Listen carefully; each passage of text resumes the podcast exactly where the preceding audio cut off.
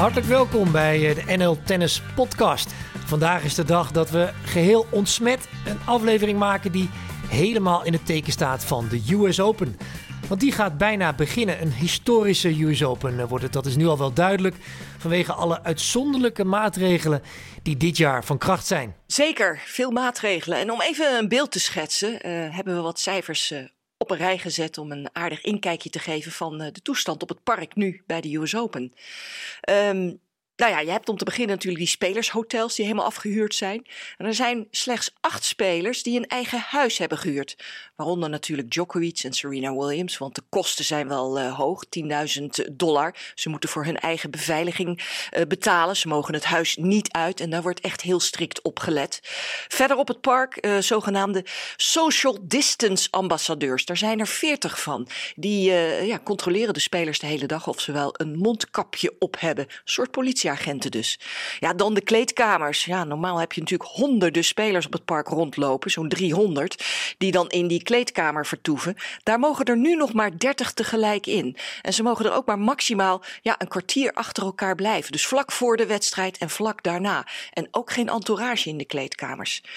Maar ja, ben je geplaatst? Alle mannen en vrouwen, ja, die zetten er uh, luxe bij. Die hebben een uh, sponsor of een uh, VIP-suite in het Arthur Ashe stadion. Kunnen van daaruit uitkijken op dat centenkort. Dus die zitten er dan wel redelijk luxe bij.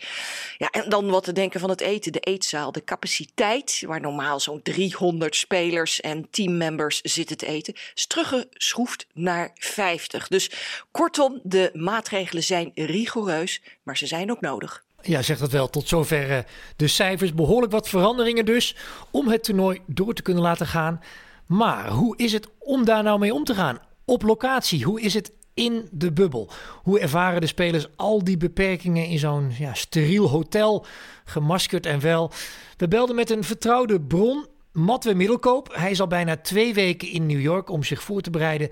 En we kregen Matwe aan de lijn vanuit zijn hotel op Long Island. Daar komt hij. Hoe is het in de bubbel? Ja, ja wel uh, even wennen. Ja, een andere wereld. Eigenlijk een, andere, een wereld in een, in een wereld. Kan je zo, zo kan je het wel zien. Ja, dat, is natuurlijk, dat houdt ook een bubbel in. Waar moet je het meest aan wennen? Nou ja, er zit een bepaalde routine uh, die je verplicht uh, moet doorstaan. En dat zijn natuurlijk de testen die je om de vier dagen moet doen. Op het moment dat je de bus instapt, moet je, moet je een, een formulier invullen online. Vervolgens krijg je daar een, uh, een approval van. Met die approval ga je naar de, zeg maar, richting de bus. En dan staan er weer een rij mensen met, uh, waar je dat moet laten zien. Een soort V-teken krijg je dan, hè, dat je approved bent. En dan krijg je nog even zo'n ja, zo'n zo'n pistooltje tegen je hoofd, weet je, die je temperatuur gaat opmeten. Ja. En dan mag je pas de bus in. Ja, en voor de rest is het in het hotel uh, ja, helemaal afgesloten. Hè? Je hebt ook overal borden staan uh, bij de uitgangen. Uh, als je dit bord voorbij bent, dan ben je automatisch uit het toernooi. Um, dus ja, je, je wordt heel erg restricted, zeg maar. Het is heel erg restricted. Heb je überhaupt het gevoel dat je in New York bent? Nee, totaal niet. Ik zit gewoon ik zit, ik zit in die bus. We zitten, ja, want het enige moment als we echt naar buiten kunnen gaan, is even dat we de bus ingaan en richting de tennis gaan. En dan zie je ja, dan zie je New York eventjes, hè, dan wel Brooklyn of, of Queens, wat dan ook. Uh, ja, dan zit je in die bus, je kunt er niet uit. Weet je, je kan niet even gaan shoppen of zo. Ja, vind je dat het, dat het uh, ver gaat, te ver gaat? Ja, goed, ik moet zeggen dat ze het goed doen, US Open. Uh, ik, ik, denk dat ze geen risico's willen nemen. Dus uh, dat betekent dat ze alle voorzorgsmaatregelen nemen. Uh, en ja, het gaat soms te ver. Uh, in dit geval is er een, um, ik weet niet of je het gehoord hebt, maar er is een, uh, een uh, fysio, is hier positief getest. Ja, uit Zuid-Amerika. ja, en die twee jongens, nou ja, goed, die zijn allebei negatief getest tot drie, vier keer toe. Ja, en die moeten gewoon in quarantaine van 14 dagen of 10 dagen. Ja, dat, dat vind ik dus te ver gaan. Dat slaat natuurlijk nergens meer op. Worden de protocollen breed gedragen? Wil jij, je bent wat ouder en kan, kan het misschien makkelijk accepteren. Maar is, is dat breed gedragen? Ja, wel heel breed gedragen en iedereen neemt het ook heel, heel erg serieus. Um, het, is, het staat ook heel duidelijk. Uh, en ook met het voorbeeld wat ik net uh, noemde, uh, dat denk ik ook is dat een soort van, als, als voorbeeld voor de rest van, weet je wel, ga gewoon, gaat die lijn niet over, want dan, dan is het gewoon goed fout hier. Ja. En, ja, en dan wordt het wel heel breed gedragen. Iedereen accepteert het gewoon en volgt de regels heel erg nauwkeurig op. En er zijn ook overal mensen in het hotel, op de tennisclub, overal over het park heen zijn mensen die het ook controleren. Het moment als je maar heel even, uh, nou ja, goed als voorbeeld, uh, mijn dubbelpartner die, die, was even aan het drinken buiten. Hij had zijn flesje naar zijn mond gedaan, zijn kapje even eraf gehaald, nam een slokje en er zat misschien drie, vier seconden tussen dat, hè, dat hij zijn, zijn flesje naar beneden deed. En gelijk werd al geattendeerd dat hij zijn, zijn mondkapje weer aan moest doen. Ja. Dus het is best wel, best wel, ja, best wel hysterisch vind ik dit. Best wel, het gaat best wel ver. Maar voor de rest moet ik zeggen, een compliment voor het toernooi, hoe ze het organiseren.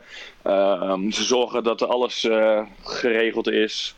Uh, ze hebben ook een, een grote buitentuin met, met, met een groot televisiescherm. Er wordt elke dag wordt er een foodtruck neergezet met gratis en, en lekker eten. Ja, en ik las ook ergens dat je wat muziek hebt gemaakt op je kamer. Dus je verveelt je niet. Welk genre moet ik aan denken? Oh ja, ja, dat werd een beetje het verband. Ja, kijk, ik had een, een, app gedownload. Ik zal de naam niet noemen, maar dat, is een leuke app. Ik denk, ik ga eens even wat knutselen. En ik, had een uurtje, een, ik was een uurtje verder en ik had in één keer een, een, leuk, uh, leuk, uh, een leuk liedje. Een soort van beetje house liedje was dat. En dat was het 2,5 minuut. Ik had het, uh, denk van, oh wacht even, dat klinkt best wel oké. Okay. Dus nu ben ik mezelf een beetje aan het inlezen hoe ik een mooi begin, middenstuk en einde kan doen. Dus, Kun je even laten horen? Ga ik ooit... Nee, absoluut niet. Wat is dit voor een vraag? Nee. Ik stuur, ik, stuur, ik stuur het aan jou door en dan mag, dan mag je een klein stukje laten horen.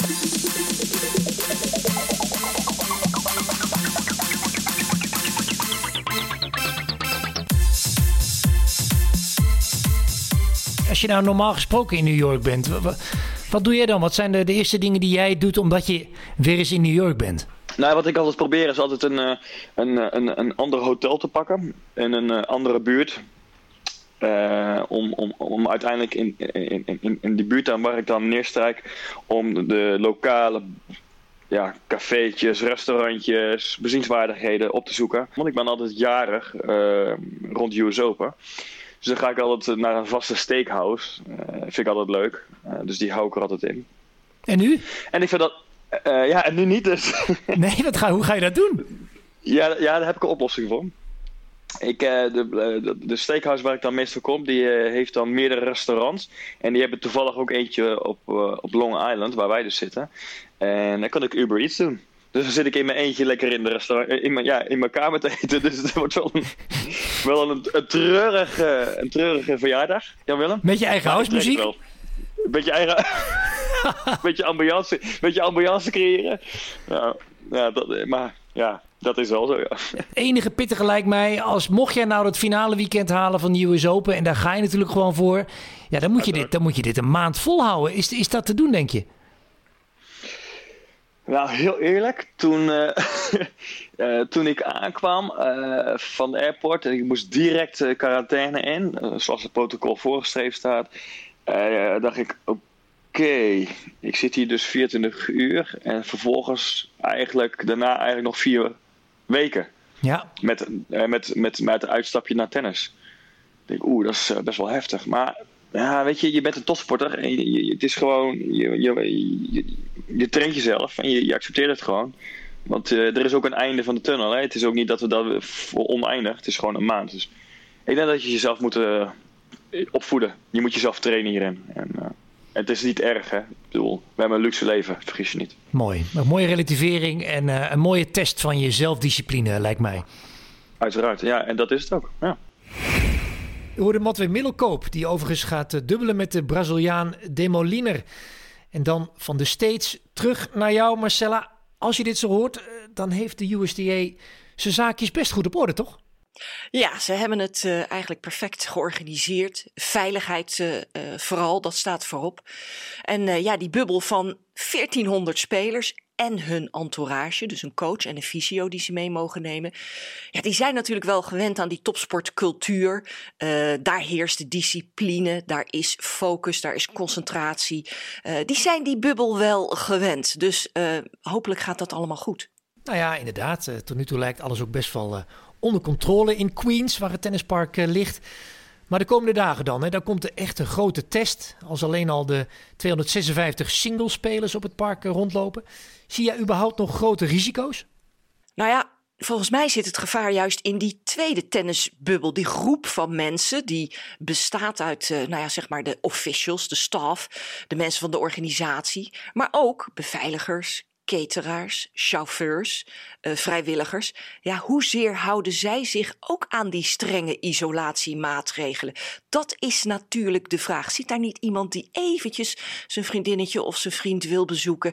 Um, hoe gaat dat verlopen? Maar goed, die worden dus zoveel mogelijk gescheiden van die eerste groep uh, uit de tennisbubbel, de spelers en hun entourage. En al met al complimenten aan uh, de USDA, de tennisbond daar, ja, die toch mogelijk hebben gemaakt uh, de spelers een veilig gevoel uh, te geven. En uiteindelijk ook die quarantaineproblemen bij terugkomst in Europa hebben opgelost. En ja, dat is toch wel heel knap. Ja, je had het al een paar keer over die bubbel. Ja, die zal wel voor altijd onlosmakelijk verbonden zijn met deze US Open. Maar gelukkig, gelukkig, wordt ook ouderwets getennist op het snelle hardcourt. En uh, daar gaan we op uh, vooruitblikken met uh, Rick Spekerbrink. Welkom Rick, jij als tennisverslaggever van het AD. Om te beginnen, ik ben wel benieuwd, wat is jou nou tot nu toe opgevallen bij de herstart van de mannen- en de vrouwentour? Ja, om te beginnen, wat toch het meeste opvalt is het gebrek aan publiek natuurlijk. De, de stilte tussen de punten, de ja, een beetje klinische manier van, van wedstrijden afwerken. Uh, je ziet ook dat de, de emoties bij de spelers daardoor volgens mij wat, wat vlakker zijn. Um, dus je moet, als je ernaar kijkt, zeg maar, dan, dan lijkt het een soort trainingspartijtje, terwijl het eigenlijk een hartstikke belangrijk voorbereidingstoernooi is. Um, ja, en, en natuurlijk uh, even tussen de sets door naar het toilet, mondkapjes erbij. Ja, het zijn, het zijn beelden die je nog nooit hebt gezien in het tennis. Maar vooral straks inderdaad bij de US Open ook met die hele grote stadions die dan volledig leeg zijn. Ja, dat, is, uh, dat hoort natuurlijk niet bij tennis, maar het is wel de realiteit. Het toernooi zelf, uh, we beginnen eventjes bij het mannentoernooi. Dan gaan we heel veel eh, bekende namen zien, maar geen Roger Federer. Vijfvoudig kampioen doet iets heel anders deze dagen. Marcella, heb je enig idee wat hij doet? Waar hangt hij uit? Ja, we zien natuurlijk via de social media wel uh, allerlei berichten verschijnen. We weten natuurlijk dat hij inmiddels twee knieoperaties achter de rug is, heeft. Uh, hij is revaliderend, uh, maar hij is geen patiënt meer in ieder geval. Het gaat goed met hem. Maar we hebben hem ook gezien als ja, schoenenverkoper voor het Zwitserse merk On. Hè. Daarin heeft hij geïnvesteerd. Maar al met al kunnen we zeggen, ja, hij, hij is en blijft een zondagskind. Want het geluk dat hij eigenlijk heeft met zijn blessureperiode, dat dat weer precies in de coronacrisis valt. Dat uh, is voor hem natuurlijk wel uh, ja, een, een, voordeeltje. Ja, en wat betreft uh, Nadal, ja, die richt zich gewoon op het greffel op zijn dertiende Roland Garros uh, titel. Uh, mondkapje op, je ziet hem trainen uh, en je ziet hem op zijn hele grote nieuwe spectaculaire grote motorboot rondvaren in ja, de haven in, op de zee bij Mallorca. Dus dat vind ik dan wel weer opvallend voor ja, de bescheiden Nadal. Ja, geen Nadal, geen Federer. Rick, jammer dat ze er niet bij zijn. Ja, tuurlijk. Ja, dat is, dat is altijd jammer. Um, het biedt kansen aan, uh, aan andere spelers, aan de volgende generatie, ongetwijfeld. Maar ja, dit zijn bij far de twee grootste sterren van het mannentennis... die uh, zoveel publiek genereren, zoveel kijkers. Uh, ja, die, die mis je altijd als ze er niet bij zijn, absoluut. Genoeg over de afwezigen. Laten we beginnen met wie er wel bij zijn. En dan de grote favoriet als eerste Novak Djokovic. Hij uh, jaagt op records, bijvoorbeeld die van het aantal uh, gewonnen Grand Slams. Djokovic staat nu nog op 17, gaat dus uh, zonder publiek voor nummer 18. En ja, zijn grootste uitdager, ik lees hier en daar, dat is dan misschien Dominique Thiem. Marcella, ben je het daarmee eens? Nou ja, dat dacht ik ook. Ik dacht van, nou, misschien heeft Team wel een goede kans om te winnen. Zeker gezien zijn resultaten laatste jaar. Vorig jaar die thriller, vijfzetter tegen Nadal, nippertje verloren. Hij was echt heel goed verbeterd op hardcourt. Maar ja, als je zijn resultaat eh, vorige week ziet in uh, Cincinnati, zijn eerste partij, hij kreeg drie games tegen Krajinovic. Dus ja, dat valt dan toch wel weer even tegen. Um, hij heeft heel veel uh, demonstraties gespeeld, 28, het meest van iedereen. Dus je zou zeggen, hij moet in topvorm zijn. Dus ik heb zitten denken, ja, waar kan het dan aan liggen dat hij zo dik verliest? Dat hij geen return inslaat? Uh, de banen in New York zijn snel, zijn supersnel. Er wordt gezegd 20 tot 30 procent sneller dan afgelopen jaar. En uh, het feit is dat je uh, tennissen op een snelle baan, hè, vroeger had je dat ook bij gras, dat maakt het krachtsverschil tussen spelers veel kleiner. Hè, tussen de top en de subtop. Uh, gravel blijft naar mijn mening daarom ook altijd de eerlijkste ondergrond waar ja, de beste speler toch meestal wel wint. En die snelle banen zorgen dus voor verrassingen en zorgen voor problemen bij de return.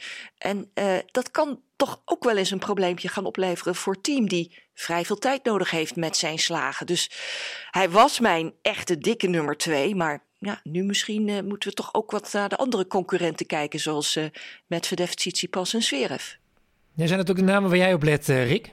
Uh, Medvedev zeker. Medvedev zeker, die zie ik ver komen. Um, Tsitsipas en Zverev hou ik altijd die uh, onzekerheid. Ze zijn altijd, ze blijven nog zo jong en, en onberekenbaar. En er kan ineens iets gebeuren tegen de nummer 96 van de wereld en dan liggen ze er in de derde ronde uit. Maar misschien dat Tsitsipas uh, dan nog, ja, die, die is misschien nog wel wat verder, heb ik toch het idee. Zverev is zo wisselvallig altijd nog. Dus maar ik, ik, ik, ik heb echt mijn hoop gevestigd op, uh, op Medvedev. Ik hoor toch een beetje die top 10 namen uh, van jullie allebei. Zien jullie nog een, een dark horse door het schema heen sluipen?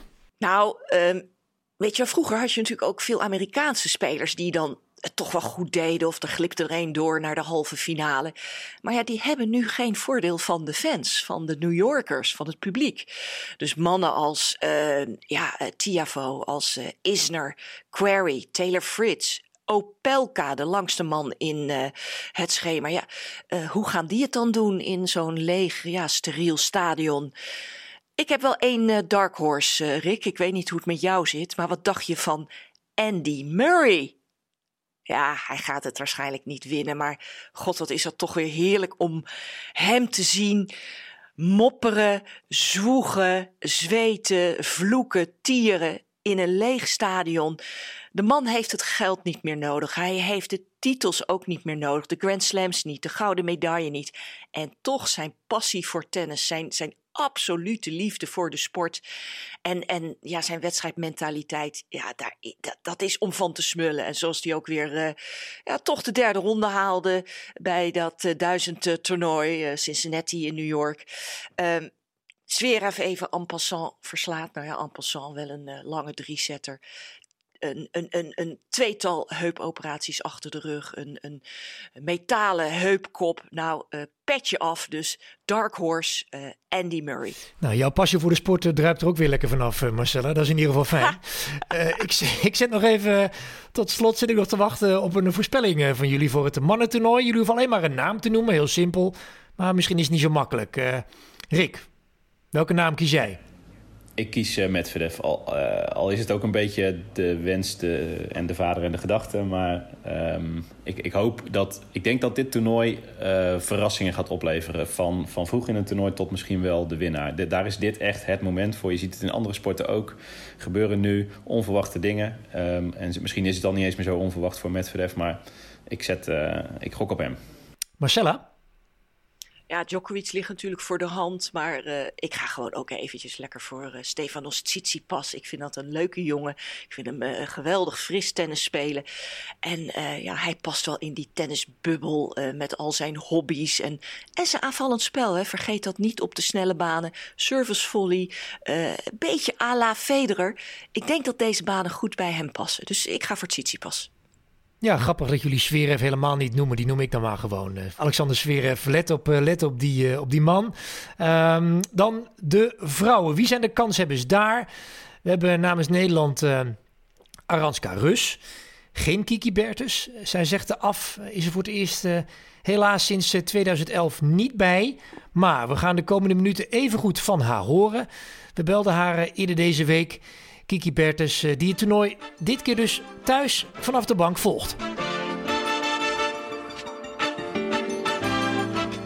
Kiki, de, de WTA-tour is, die is weer begonnen. Volop wedstrijden gespeeld. Deze week natuurlijk. Uh, er worden heel veel wedstrijden gespeeld in New York.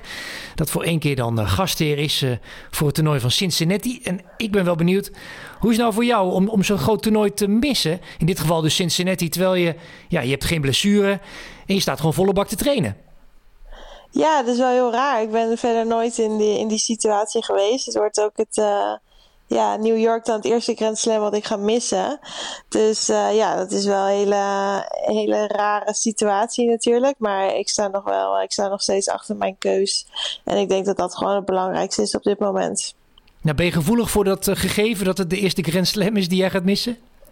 Uh, nou, als je er zo over nadenkt, dan denk je toch, nou, al die jaren, je hebt nooit iets gemist. Altijd gewoon doorgaan, altijd fit geweest.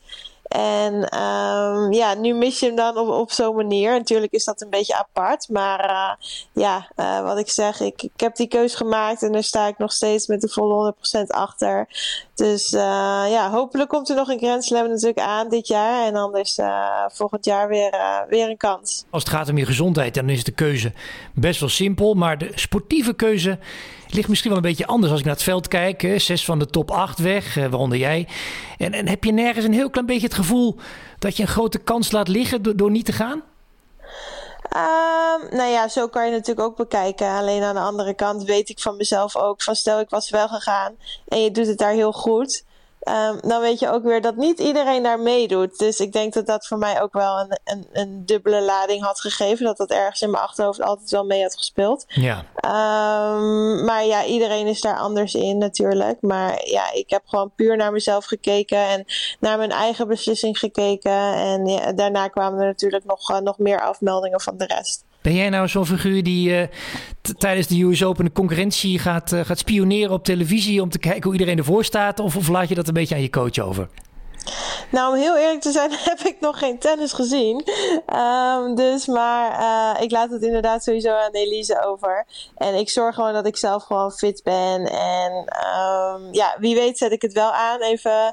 Maar op dit moment ben ik gewoon echt nog uh, zelf in mijn voorbereiding bezig. En ja, focus ik meer op mezelf dan, uh, dan op de rest. Hoe, hoe sta je er überhaupt voor op dit moment? Kun, kun je dat een beetje meten? Of is dat gewoon heel lastig als je alleen maar trainingssituaties hebt?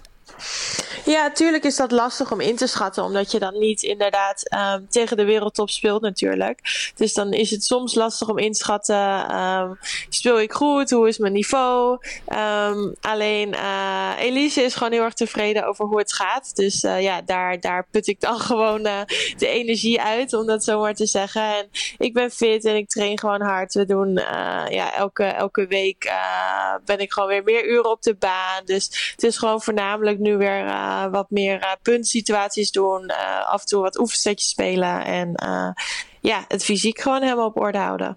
Tot slot, deze podcast is uiteindelijk nog steeds een voorbeschouwing op de US Open. Ook al ben je er niet bij. Maar ja, iedereen die in deze podcast zit, die mag een voorspelling doen. Dus hou je vast. Jij ook. Om oh, te beginnen de dames. Uh, Kiki, ja, zeg het maar gewoon. Wie gaat er winnen volgens jou?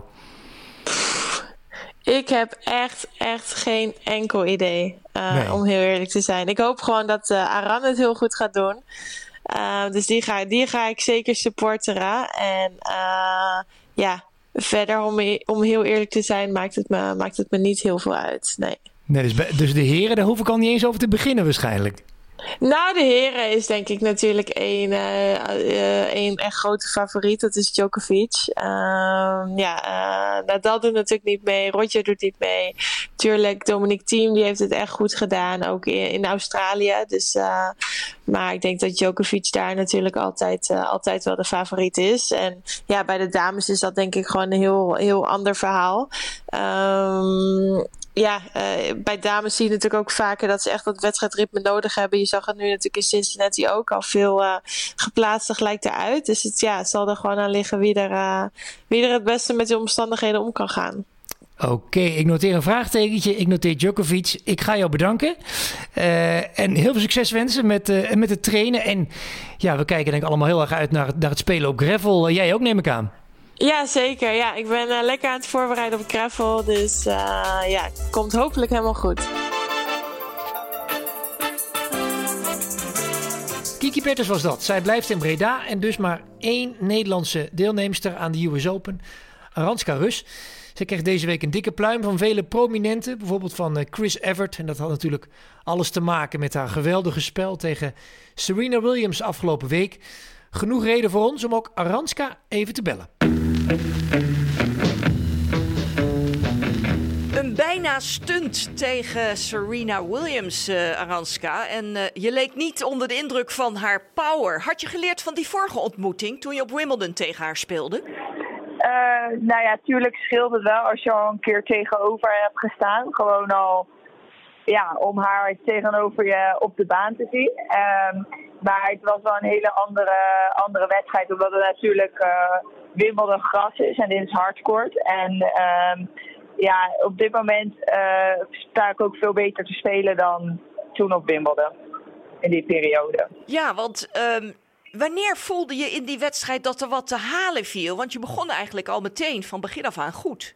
Ja, ik, uh, ik wist eigenlijk al gewoon dat ik goed stond te spelen. Uh, trainingen gaan goed en ja, ik was gewoon klaar voor. En vanaf de eerste game zat ik gewoon meteen goed in de wedstrijd. Ik merkte ook dat ik uh, in de rallies gewoon mee kon en soms ook echt wel beter was in de rallies. En zij serveerde erg goed. Dus uh, ja, won zij wel heel veel punten op op, op haar eerste service. Ja, zeker in de eerste set. Hè?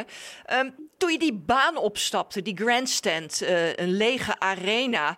Um, hoe voelde dat? Ja, nou, ik ben hier natuurlijk al de hele week en er loopt niemand op het park. Dus daar raak je op zich wel aan gewend. Want uh, ook op de banen bij de kwalificaties en mijn eerste ronde hoofdtoernooi was ook al niemand.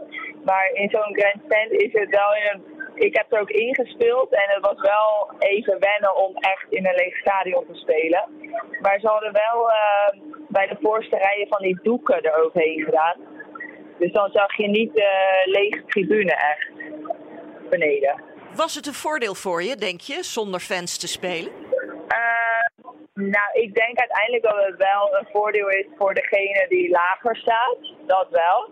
Alleen, ja, ik had het gevoel dat Serena ook gewoon echt zo in die wedstrijd zat en zit, dat het haar ook niet echt uitmaakt. Maar dat weet ik niet, maar dat, zo leek het. Ja, het was super intens. Je hebt uh, geweldig gespeeld.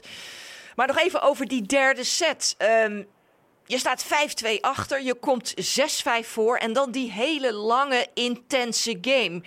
Um, kan je jezelf iets verwijten, denk je? Uh, nou, ik heb wel een paar kleine foutjes gemaakt. Uh, die, ze sloeg een drops op die game en die slijstick, die had ik gewoon moeten slaan. Weet je wel, een paar kleine puntjes. Maar je merkt ook dat zij er gewoon wel staat. Elk elke bal op dat moment. En uh, ja, daarom heeft ze ook zoveel Grand Slams gewonnen natuurlijk.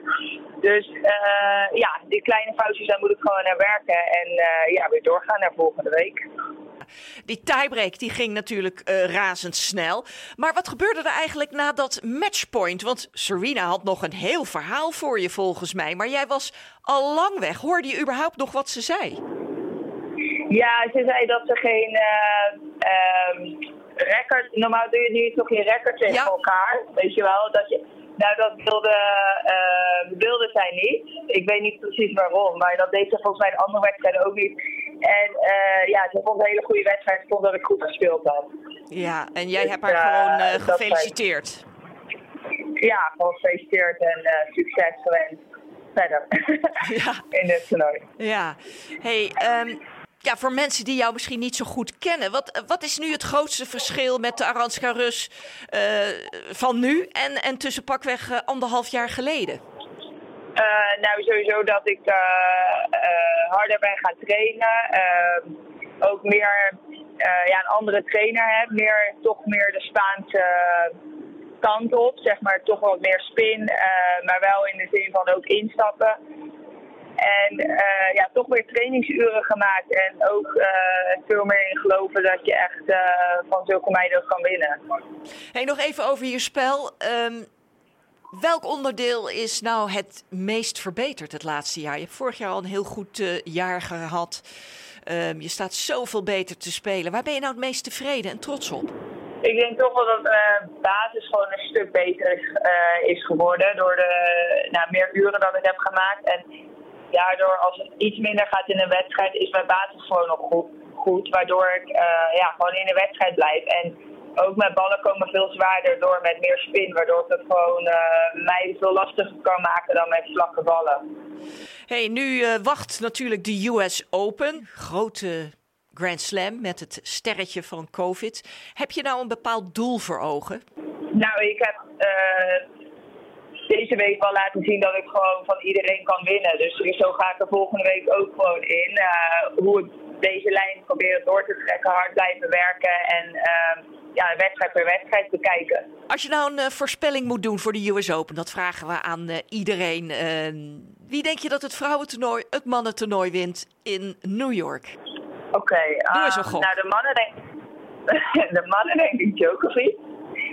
Dat is makkelijk. ja, dat is makkelijk. En dan denk ik. En de dames, hmm, ja, ik zou zeggen dan Serena of Osaka misschien.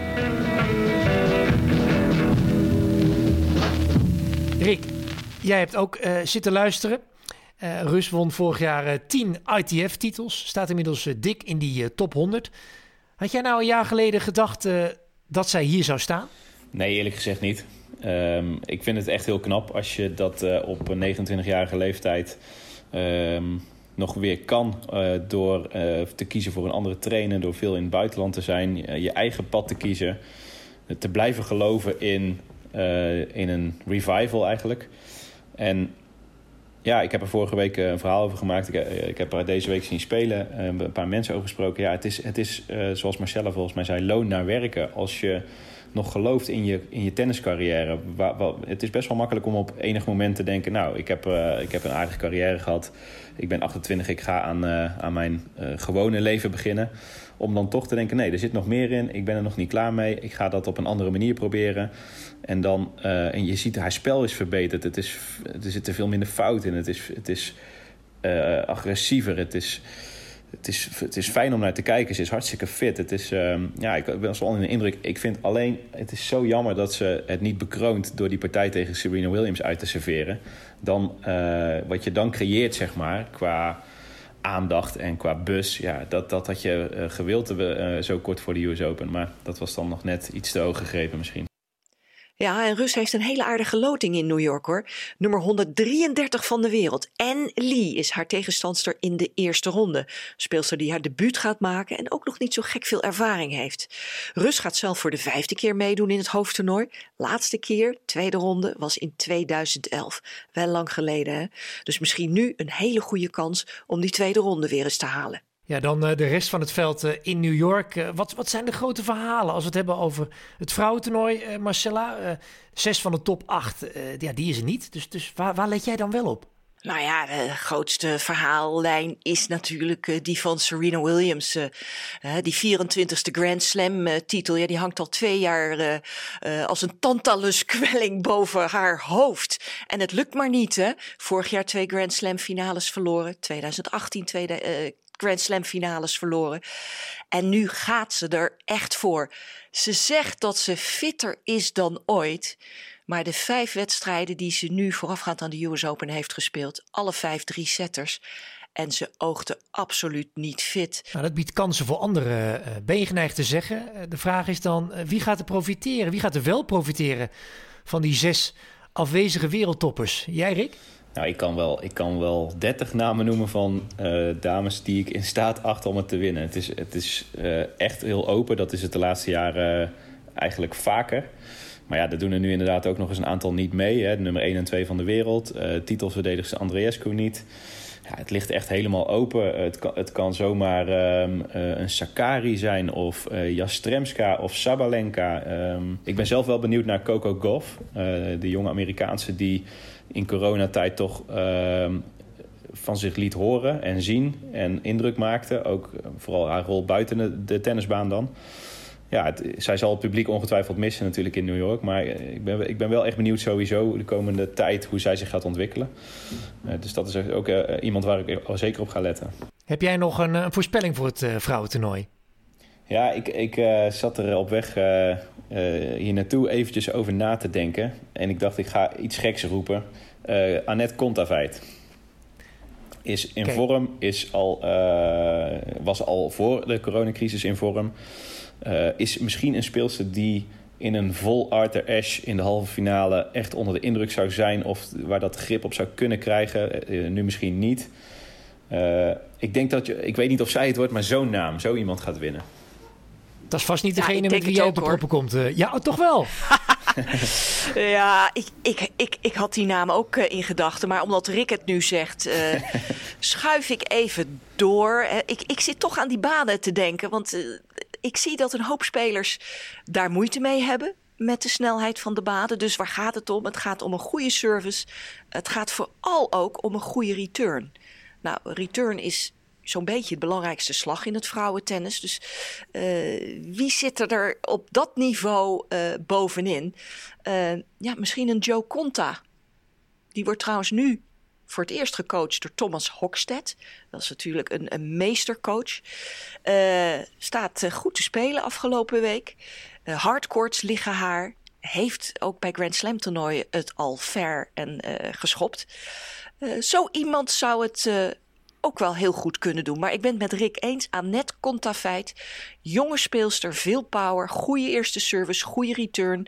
Uh, heeft Rosmalen ooit gewonnen op gras, kan op snelle banen uh, goed acteren. Uh, die is zeker iemand om in de gaten te houden. Conta, Conta Veit, what's in a name? ik vroeg het ook nog even Matwee Middelkoop. Die zet in op Sabalenka. Ik heb zelf zomaar het gevoel dat Naomi Osaka weer eens iets bijzonders gaat doen. Maar eerlijk is eerlijk, dat was eh, voor het toernooi van Cincinnati. Osaka protesteerde afgelopen week tegen het eh, politiegeweld in de VS en stapte daarvoor eh, uit het toernooi. Ik ben benieuwd wat dat gaat doen met haar prestaties van de komende twee weken. Nog even de Nederlandse inbreng in New York. Geen Bertus, ik zei het al. ook geen Robin Haase voor het eerst in tien jaar. Aranska Rus uiteraard wel. En we hebben de dubbelaars. Leuk om even te noemen. Demi Schuurs, zij komt in actie met, uh, met haar vaste maatje dit jaar Peske. Dan uh, Middelkoop uh, met Demoliner. En uiteraard Wesley Koolhof. Getipt door uh, Matwe Middelkoop dat hij de titel gaat pakken samen met uh. En natuurlijk Jean-Julien Royer en Horia Tikau. Dan, jawel, de prijsvraag. De afgelopen aflevering hadden wij een prijsvraag met Sven Groeneveld. Hij vroeg wie is de Nederlander met wie ik heel veel prijzen heb gepakt. Die Grand Slams won. Die nummer 1 stond heel lang. Uiteraard, dat was Esther Vergeer. En wie gaf het goede antwoord? Dat was Wouter-Jan Bulsing. Jij krijgt het speciale trainingsracket met het piepkleine blad. Cadeau dus van Sven Groeneveld zelf. Het racket komt naar je toe. Van harte Wouter. En uh, laat ons vooral weten hoe je spel er van opknapt. Ja, tot zover deze voorbeschouwing. Dankjewel Rick voor het uh, aanschuiven. We gaan je verhalen weer lezen in het AD de komende weken. En na de eerste week van de US Open komen we met een nieuwe podcast. En dan praten we hierbij over Aranska Rus en haar uh, wedstrijden. En natuurlijk ook de meest opvallende wedstrijden in New York. Maandag 7 september. Over een uh, nou, ruim een week is dat dus. Ja, abonneren op deze podcast is uiteraard gratis. Dat doe je via de bekende kanalen en dan komen de nieuwe afleveringen automatisch bij je binnen. Leuk dat je luisterde en tot de volgende keer. Dag.